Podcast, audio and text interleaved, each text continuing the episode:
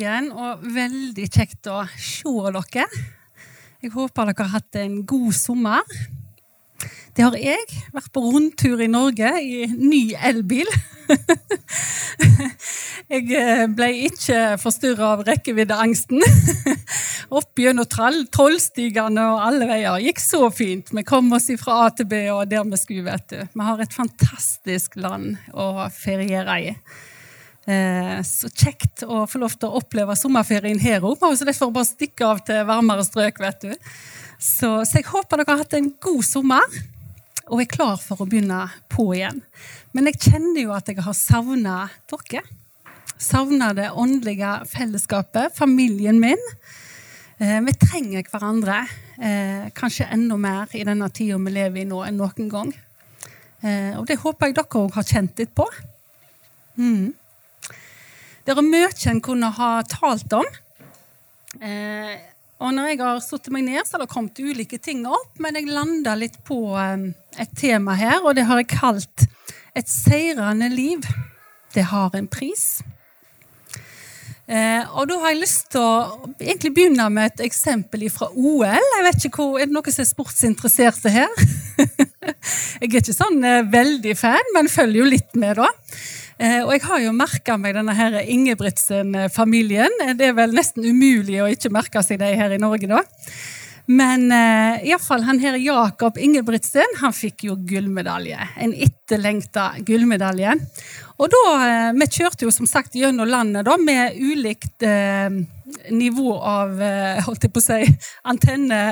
Så dette, det, nyhetene de kom litt sånn av og på. så jeg har følt litt sånn delvis med. Men iallfall det ene intervjuet da, så fikk jeg med meg litt av det som broren sa etterpå. Og det var det at vet hva, det er en velfortjent seier. Hadde dere visst alt han har ofra for å komme der han er? Eh, og jeg tenkte på det, ja. Når man sitter denne her serien på TV som går om familien Ingebrigtsen, så kan han være ganske hard, han her faren. Eh, og jeg tror nok at mange av metodene hans er det en del som bare ja, ganske, blir ganske provosert av, og kan være sterkt uenige i. Eh, men det bringer resultater. Og han kjenner jo guttene sine. Han vet hva som bor i dem. Eh, og han pusher dem for å få fram enda mer i dem. Han pusher de over gjerne de grensene som de sjøl ville satt for sitt eget liv. For det er jo alltid sånn at vi ofte klarer å strekke oss mer enn det vi tror sjøl. Eh, jeg har iallfall sett det for mitt eget liv når jeg har vært på trening og sånne ting. Jeg hadde personlig trenere i noen perioder, og hun pusha meg jo alltid mye lenger enn det jeg sjøl tenkte at uff, nei, det der går aldri. Men så gikk det. Og da sitter du igjen med en god følelse av mestring. Jeg har òg en mann som alltid sier nei, Dengvild, det er ikke langt. jeg måtte sende en melding hvor det sto liksom eh, turløypa fra Norge til Russland. Tagg noen som alltid sier at 'nei da, det er ikke langt'. jeg måtte bare tagge han i den, for han er sånn 'det er aldri langt'. Mens jeg, vet du, heseblesende bak. Men jeg henger som regel med, da. Så det er godt at han har tro på meg når jeg ikke alltid har det sjøl. Og sånn er Gud med oss òg. Han har tro på oss når vi ikke alltid har det sjøl. Han vet hva skattene har lagt ned i oss, sjøl om ikke alltid den er synlig for oss. Eller kanskje vi ser det ikke i hverandre engang. Men Gud vet hva han har lagt ned i. Og Det har vært en sånn bønn iallfall i mitt liv. Jeg håper det kan være en i ditt liv òg. At Gud, hjelp meg å se skatten du har lagt ned i andre mennesker. Hjelp meg å lokke det fram istedenfor å tråkke det ned. Selv om det ikke er ferdig slipt, denne diamanten. Men når jeg ser glimt av den, hjelp meg å lokke det fram. Og det tror jeg er en oppgave alle vi som er kristne, kan ha i de vi møter. Kollegaer, i jobben vår, i familien vår. Dette med å elske fram gullet og diamanten i andre. Med å nevne det vi ser. For vi kan så lett bare tenke det. Eller si det til andre. 'Å, han der eller hun der, de er så flotte.' Og så glemmer vi kanskje litt å si det til den det gjelder en tankevekker. Men som sagt, dette her med tilbake igjen til han Gjert, Gjert Ingebrigtsen, eh, når han pusher disse ungene sine, eh, så kan en høre mange kritiske røster på på hans atferd. Eh, og sånn er det jo, føler jeg, i dagens samfunn. På Gud og Hans ord. Vi vet at de reglene og de tingene som Gud skriver i ordet sitt, er jo til beskyttelse og til det beste for oss som hører Han til. Gud ønsker at vi skal ha et godt liv, og han ønsker at vi skal bli spart for ting som river oss ned og ødelegger oss. Derfor har han satt opp en del ting. Eh, men det er jo klart at de som ikke kjenner Guds hjerte og ikke kjenner Guds kjærlighet, vil heller aldri forstå grensene hans eller pushinga hans, fordi at de er ikke trygge på hvem han er. Det står at den som, ikke er, eller den som er fortapt, kan ikke se Guds rike. Kors, ordet om korset er dårskap for den som ikke tror. For så lenge sløret på en måte ikke er løftet opp, så vil det bare høres ut som dårskap. Og det, det må vi på en måte tåle. Eh, så når jeg skulle forberede meg her i dag, så kjente jeg bare at eh, Ingvild, du må forberede folket på at det kommer til å bli tøft å tilhøre Gud. Det kommer til å bli tøft å si at jeg er en kristen, og stå opp. Det må vi på en måte være forberedt på. Og jeg, jeg gjør ikke min jobb hvis ikke jeg er ærlig og sier at hva, sånn er det faktisk. Det koster å være en kristen, og det koster å ta opp sitt kors, men det har en fantastisk gevinst på andre sida. Eh, rettferdighetens krans venter. I Paulus eh, andre, eller Paulus også skriver til Timotius i 2. Tim 4 vers 1-8, så skriver Paulus en avskjedstale til Timotius. Han eh, har jo sett dette kallet i Timotius og ønsker å oppmuntre han i tjenesten videre. Samtidig så sier han noen viktige ord, for han vet at han har ikke så lenge igjen å leve. Eh, som kan lese fra én der. Jeg vitner for Gud og Kristus Jesus og skal dømme levende og døde og ved Hans komme og Hans rike. Forkynn ordet, og vær rede i tide og utide. Overbevis, irettesett og trøst med all tålmodighet og lære. For det skal komme en tid da de ikke skal tåle den sunne lære, men etter sine egne lyster skal de ta seg lærere i mengdevis, etter det som klør i øret på dem.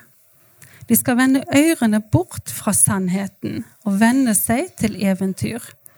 Men vær du edru i alle ting, lid ondt og gjør en evangelists gjerning, fullfør din tjeneste. For jeg blir alt ofret, og tiden for min bortgang forestår.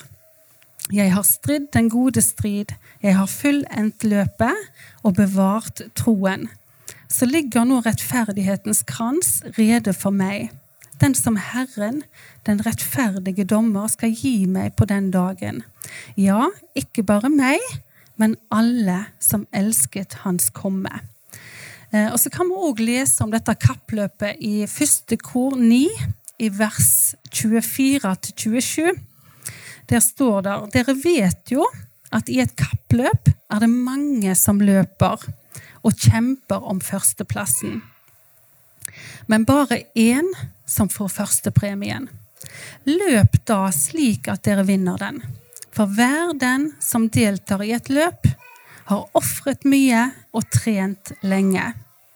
Og enhver idrettsutøver er disiplinert i sin trening.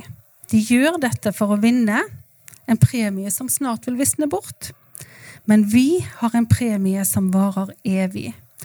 Løp derfor ditt løp med et målrettet blikk og ikke bare lik en bokser som slår i løse luften. Ja, jeg tvinger kroppen min til å være disiplinert, akkurat som en idrettsutøver. For hvis jeg ikke gjorde dette, er jeg redd for at jeg har delt evangeliet for andre, for selv å gå fortapt. Det er jo tøffe ord, men vi skal leve livet vårt som denne idrettsutøveren som kjemper mot en seierskrans. Ikke en forgjengelig krans som bare feiring en dag og så er over, men en evig krans som venter oss. Eh, og det er ikke så ofte fokus på evigheten i forkynnelsen, kanskje i dag. Men vi har et liv som kommer etter dette. Dette livet her på jorda er bare en brøkdel i forhold til det livet som er det evige livet. Når noe er evig, så har det ikke en, en slutt. Det har ikke en begynnelse, det har ikke en slutt. Og vi er kalt et evig liv. Vi har fått del i et evig liv. Når Jesus døde for oss, så fikk vi del i et evig liv som han hadde. Han har kjøpt oss for en høy pris. Og det er så lett å bare bli opptatt av dette livet her. Men dette livet vi lever her, det får konsekvenser for evigheten. Enten vi liker å høre det eller ikke, så er det sannheten ifølge Guds ord. Og hvis ikke noen sier det, ja, hvordan skal vi da vite det? For troen, den kommer av det vi hører. Men det er sannheten som står i Bibelen. At det har en konsekvens hvordan vi lever livet vårt. De aller fleste av oss har jo hørt historien om de ti jomfruene som hadde lamper. Og alle skulle lyse og vente etter brygdommen. Men så varte det og rakk før han kom så sovna de, og alle sovna. Både de gode og de dårete. Men så våkna de av et rop at nå kommer brygdommen kommer. De tok lampene sine, og da var det bare fem som hadde tatt med seg olja på lampa. Og disse som ikke hadde vært så lure, de for jo bort til de som hadde olje. Gi oss av olja, så vi òg. Men vi kan ikke det, for da har ikke vi nok. Og så vet vi at det var bare de fem som hadde vært kloke og forberedt seg, som fikk være med inn til bryllupsfesten. Gud ønsker at vi skal være forberedt i dette livet og det, e, for det evige livet. Det koster å følge Jesus, så det har en pris. Verket er gjort.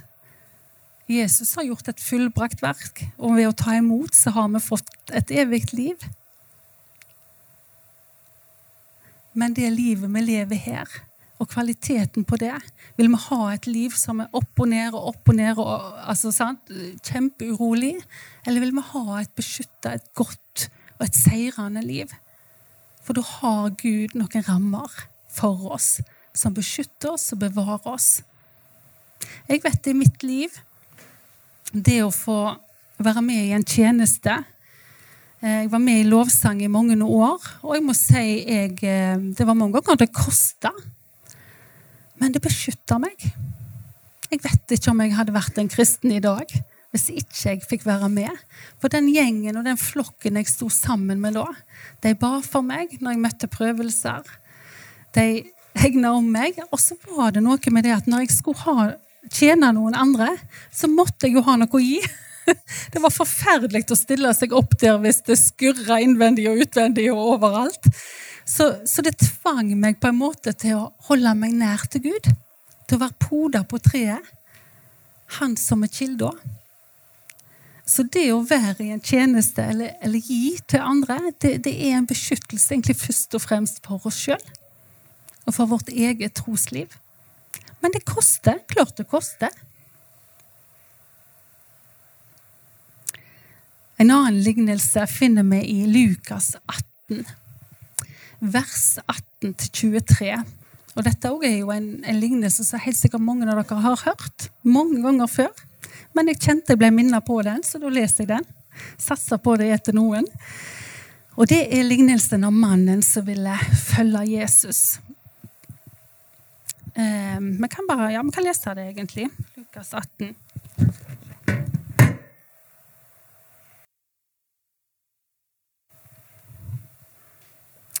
Eh, i vers 18 der. Nå var det en rådsherre som spurte han og sa, Gode mester, hva skal jeg gjøre for å erve evig liv? Jesus svarte og sa til han, Hvorfor kaller du meg god? Ingen er god uten én, og det er Gud. Du kjenner budene. Du skal ikke drive hor, du skal ikke drepe, du skal ikke stjele, du skal ikke vitne falskt, hedre din far og din mor. Han sa, alle disse budene har jo jeg holdt ifra min ungdom av. Da Jesus hørte dette, sa han til han, ja, men det mangler fortsatt én ting. Selg alt det du eier, og gi det ut til de fattige. Så skal du få din skatt i himmelen. Kom så og følg meg. Men da han hørte dette, ble han dypt bedrøvet, for han var veldig rik. Vi har jo hørt òg uh, dette at uh, det er lettere for en kamel å komme gjennom et nålauge enn for en rik å komme inn i himmelen. Og jeg tenker ikke at uh, Gud nødvendigvis tenker det er feil å ha penger. Penger kan brukes til masse godt. Men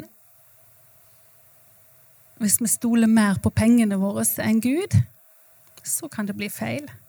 Hvis det er vår trygghet og vår kilde, så blir det det som fanger oss. Og det kan koste oss å følge Gud på forskjellige områder i livene våre. Eh, vi har jo ikke hørt så mye snakk om avguder i våre tider. Før vet du, i Bibelens tid så var det masse avguder, men det er jo like mange av de nå.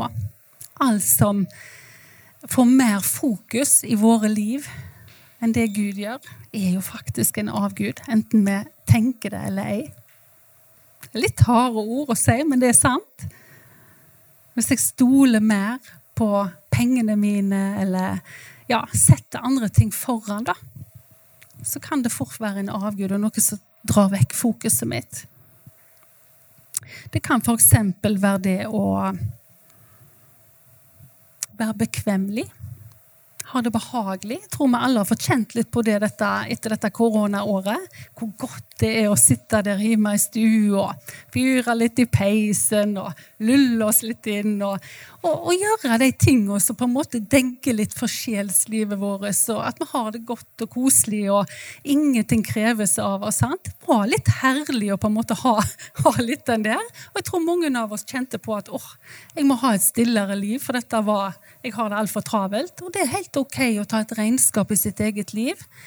Men det er lett å på en måte komme der at du, du bare sitter der. Og du bare har fokus på deg sjøl og ditt og ditt hus. Og miste fokusen utad. For Gud har gitt oss et oppdrag. Gå derfor ut og gjør alle menneskeslag til mine disipler. Og hvis jeg kun sitter hjemme, så når jeg ingen. Men jeg kan sitte hjemme f.eks. i bønn. I forbønn for andre. Det er mange ting en kan gjøre hjemme hvis en ikke har muligheten til å komme seg ut av fysiske årsaker. Men, men fokuset mitt, hvor er det? En kan lett bli innadvendt og kun opptatt av seg sjøl og la det styre. Da har jeg tryggheten min der, jeg har kontrollen, jeg blir ikke pusha på noen områder, jeg blir ikke utfordra. Det er jo veldig bedagelig og behagelig. I, sted, I, forhold til f.eks. For du er jeg sier du er engasjert i fredagsklubben. da. Må ut hver fredag. De andre tar helg. Setter seg foran TV med en god TV-serie, popkornskål og smågodtskål. Det er jo fristende, en må jo erkjenne det. Og det er sikkert ikke alltid. Vet ikke jeg, Mariann, er det liksom yeah hver fredag? ikke alltid. Ja. Og det er jo noe med det Alt som er verdifullt, ja, det har en pris. Men jeg er sikker på at det du sitter igjen med etterpå, det er jeg. Eh, jeg snakket med ei godt voksen dame på 86 år som jeg var og besøkte her en dagen. Eh, og hun er ikke der at hun fysisk kan være med og tjene lenger, men hun har tjent Gud i et langt liv, på ulikt vis. Eh, og når ungene var små, så hadde hun en, bare en sånn klubb for nabounger som ville være med. Og sa det denne uka her, Ingvild, så fikk jeg en telefon som gjorde altså sånn inntrykk på meg. Da er det for en høytstående stortingspolitiker i, og forretningsmann i Oslo. Han er jo eh, nærmere ja, nærmer seg 70 år nå. Men han ringte og sa hva det hadde betydd for han. Han kjente bare at han hadde lyst til å takke. For det det hadde betydd for han å få være i den hjemmen. Han kom fra en hjem som ikke var kristen. Eh, foreldre som var velstående og egentlig ikke hadde tid til han. Så det at han fikk komme der, en gang i uka og bare få kjærlighet og omsorg. Han er ikke en kristen i dag, men det han opplevde, var Guds omsorg. Og han ringer personlig og ville takke den. Han har aldri glemt det. Fantastisk sterkt å høre, og for en oppmuntring for henne. For hun følte jo i de åra Ungene var travle, og hun følte Ja, det var ikke alltid at du hadde morgenkåpa av før klokka var to, liksom. Så sier livet gikk i en karusell. Men det å få en sånn telefon at uh, den tida jeg valgte å bruke på andre sine barn, det betydde en forskjell. Så kjøttet vårt, det står jo ånden imot. Og det er ikke alltid at kjøttet mitt eller kroppen min eller viljen min vil det som Gud vil. Så da må jeg mange ganger legge litt sånn tvang på den, for det reiser seg. Det er jo ikke sånn at eh, det alltid er full applaus når vi skal opp og gjøre noe for Gud. Men det er maten vår. Til og med Jesus sa det. Min mat, det er å gjøre Guds vilje. Til å gå i ferdiglagte gjerninger som Gud på forhånd har lagt ferdig for at vi skal få gå inn i de. Hva er dine ferdiglagte gjerninger? Hva har han kalt deg til? Og hva er det som hindrer deg? Og Det er litt viktig å kjenne etter. Hva er det egentlig som stopper meg? Er det frykten for å miste kontroll? Er det frykten for å dumme meg ut? Er det at jeg bare syns det er godt å ha det behagelig? Det er tungt å komme i seg igjen. Uh, ja, det kan være så mange ting. Føler jeg ikke at jeg har sterk nok tro? Alle ting, og uansett grunn, kan vi løfte til Gud. For har Han kalt oss til noe, så har Han òg gitt oss evnen og alt vi trenger til å fullføre det. Absolutt alt.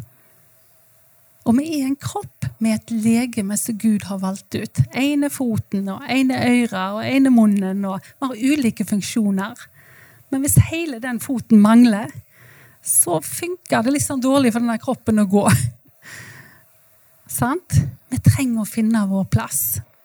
Og Gud er den eneste som kan legge en lyst ned i oss til å ville det.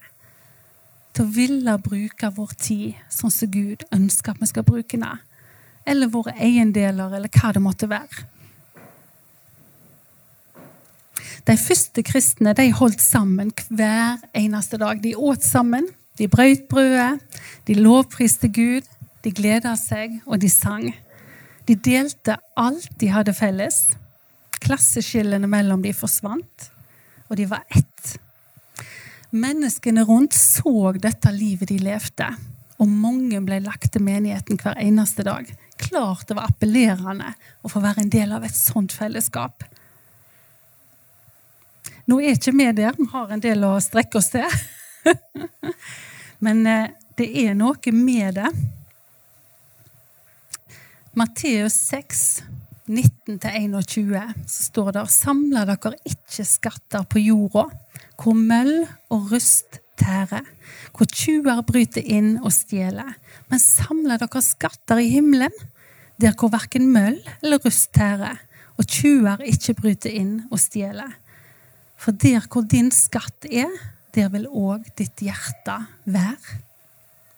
Ordspråkene står det 'bevare ditt hjerte' framfor alt du bevarer. For livet ditt, det går ut ifra det. Haggai 1, vers 3-11. Trenger ikke å lese hele, men der sies det 'Mitt hus ligger i ruiner' mens enhver av dere er opptatt med å bygge eget hus. Det er lett å miste fokusen på det som hører Guds rike og hans hus. Nå trenger ikke det å være et fysisk hus, men Guds rike her på jord. Og så er vi så opptatt av vårt eget. Markus 8,35. For den som vil berge sitt liv, skal miste det. Men den som mister mitt liv, nei, sitt liv for min skyld og evangeliet sin skyld. Det er han som skal berge det. Hva er viktig i ditt liv? Hva investerer du i, og hvor skaper du verdier? Hva gjorde du med det livet Jesus gav deg, talentene du fikk, velsignelsene i ditt liv? Velsigna du andre rundt deg, eller gikk alt til deg og ditt og dine? Det du gjorde imot en av de minste, det gjorde du imot meg. I Matteus 25, vers 34-40, så står det da skal kongen si til de med sin høyre side, Kom hit, dere som er velsigna av min far. Arv det rike som er beredt for dere fra verdens grunnvoll ble lagt. For jeg var sulten, dere ga meg mat. Jeg var trøst, tørst, så gav dere meg å drikke. Jeg var fremmed, og dere tok imot meg. Jeg var naken, og dere kledde meg. Jeg var sjuk, da så dere til meg. Jeg var i fengsel, og dere kom til meg. Da skal de rettferdige svare han og si, Herre, når så vi deg sulten, gav deg mat, eller tørst og ga deg å drikke? Når, vi, når så vi de fremmed og tok imot deg, eller naken og ga deg klær? Når så vi deg sjuk eller i fengsel og kom til deg? Og kongen skal svare og si til den, Sannelig sier jeg dere, alt det dere gjorde mot en av disse minste brødrene, det gjorde dere imot meg. Vi lever i en verden hvor det er masse behov, og kanskje spesielt etter koronaperioden vi har vært igjennom nå. Det er mange ungdommer som sliter, unger som ikke har hatt det så godt i hjemmene sine. Vi trenger å være på plass og se dem. Og vi trenger å våkne og se de som Jesus veldig gjerne vil vi skal se. Møte blikkene. Kikke etter behovene. Våge å se dem. Og sette av tid til å faktisk rekke ut ei hånd. Det kan være å invitere noen på en kopp kaffe. Det kan være å invitere en familie du ikke har sett på lenge, på en middag. Gud han gjør det ikke sånn at vi trenger å være professor i teologi for å tjene han. Nei, han ønsker vanlige hverdagsmennesker som ønsker å bruke litt av livet sitt til å tjene andre. Han har kalt oss til å tjene, og det kan se ulikt ut. Men be Gud om å gi deg et villig hjerte. Og be Gud om å bøye viljen din. For du blir glad av å få gå i de ferdiglagte gjerningene, og det ønsker Gud for deg. Og så ser utgangspunktet vårt forskjellig ut, og vi har ulike talenter. Men la oss ikke være et folk som graver ned talentene. La oss være et folk som bruker det vi har. Og er vi trofaste i smått, så vil Gud sette oss over større. Han krever ikke mer av oss enn vi kan klare. Og han krever det ikke, han ønsker at vi skal gi det frivillig men han heier på oss. Og han har gjort seg avhengig av oss. Takk, Herre, for ditt ord. Og jeg bare ber deg, Jesus, for flokken her som er samla, inklusiv meg sjøl, at du må gi oss villige hjerter. At vi ser deg som du ønsker at vi skal se, Herre. Og at vi har lyst til å legge vekk litt vår egen bekvemmelighet for å tjene andre, for å løfte andre, og for at andre kan få møte deg gjennom oss, Herre. La oss få lov til å være et lys på denne plassen. Og la dette huset og alt som er i det, bli brukt til de æra. At vi kan få lov til å være noe godt inn i andre mennesker sitt liv. Enten det er gjennom eh, søndagsskolearbeid, barnearbeid, lovsang, møter, eldreomsorg. Du ser det er så enormt mange behov, Herre. Men du ser alle, og du kjenner oss best, Herre. Og jeg bare ber, Far, at du nå løfter fram i oss det kallet du har lagt ned i hver enkelt, og gi oss en lyst, for det er kun du som kan skape den. Gi oss en lyst til å ville tjene deg, Herre. Og gi deg hendene våre, evnene våre, talentene våre og viljen vår. Så jeg bare velsigner søsknene mine, Herre. Og du legger de hånd på de, Herre, og gi de det som hindrer de, at du tar deg av det, Herre. Det som står i veien. Kjære far. Jeg tenker vi skal synge en sang så hvis lovsang lovsangen bare kan komme opp. Eh, og det er en kjent sang. 'Alt for Jesu fot jeg legger'. Men kjenn litt på når du synger den. Klarer du å synge den som en bønn? Det er ikke sikkert at vi er der. At vi klarer å legge alt. Men Gud ser ut et ønske og en vilje. Og Jeg håper at det kan være en bønn når vi synger den. Alt for Jesu fot jeg legger.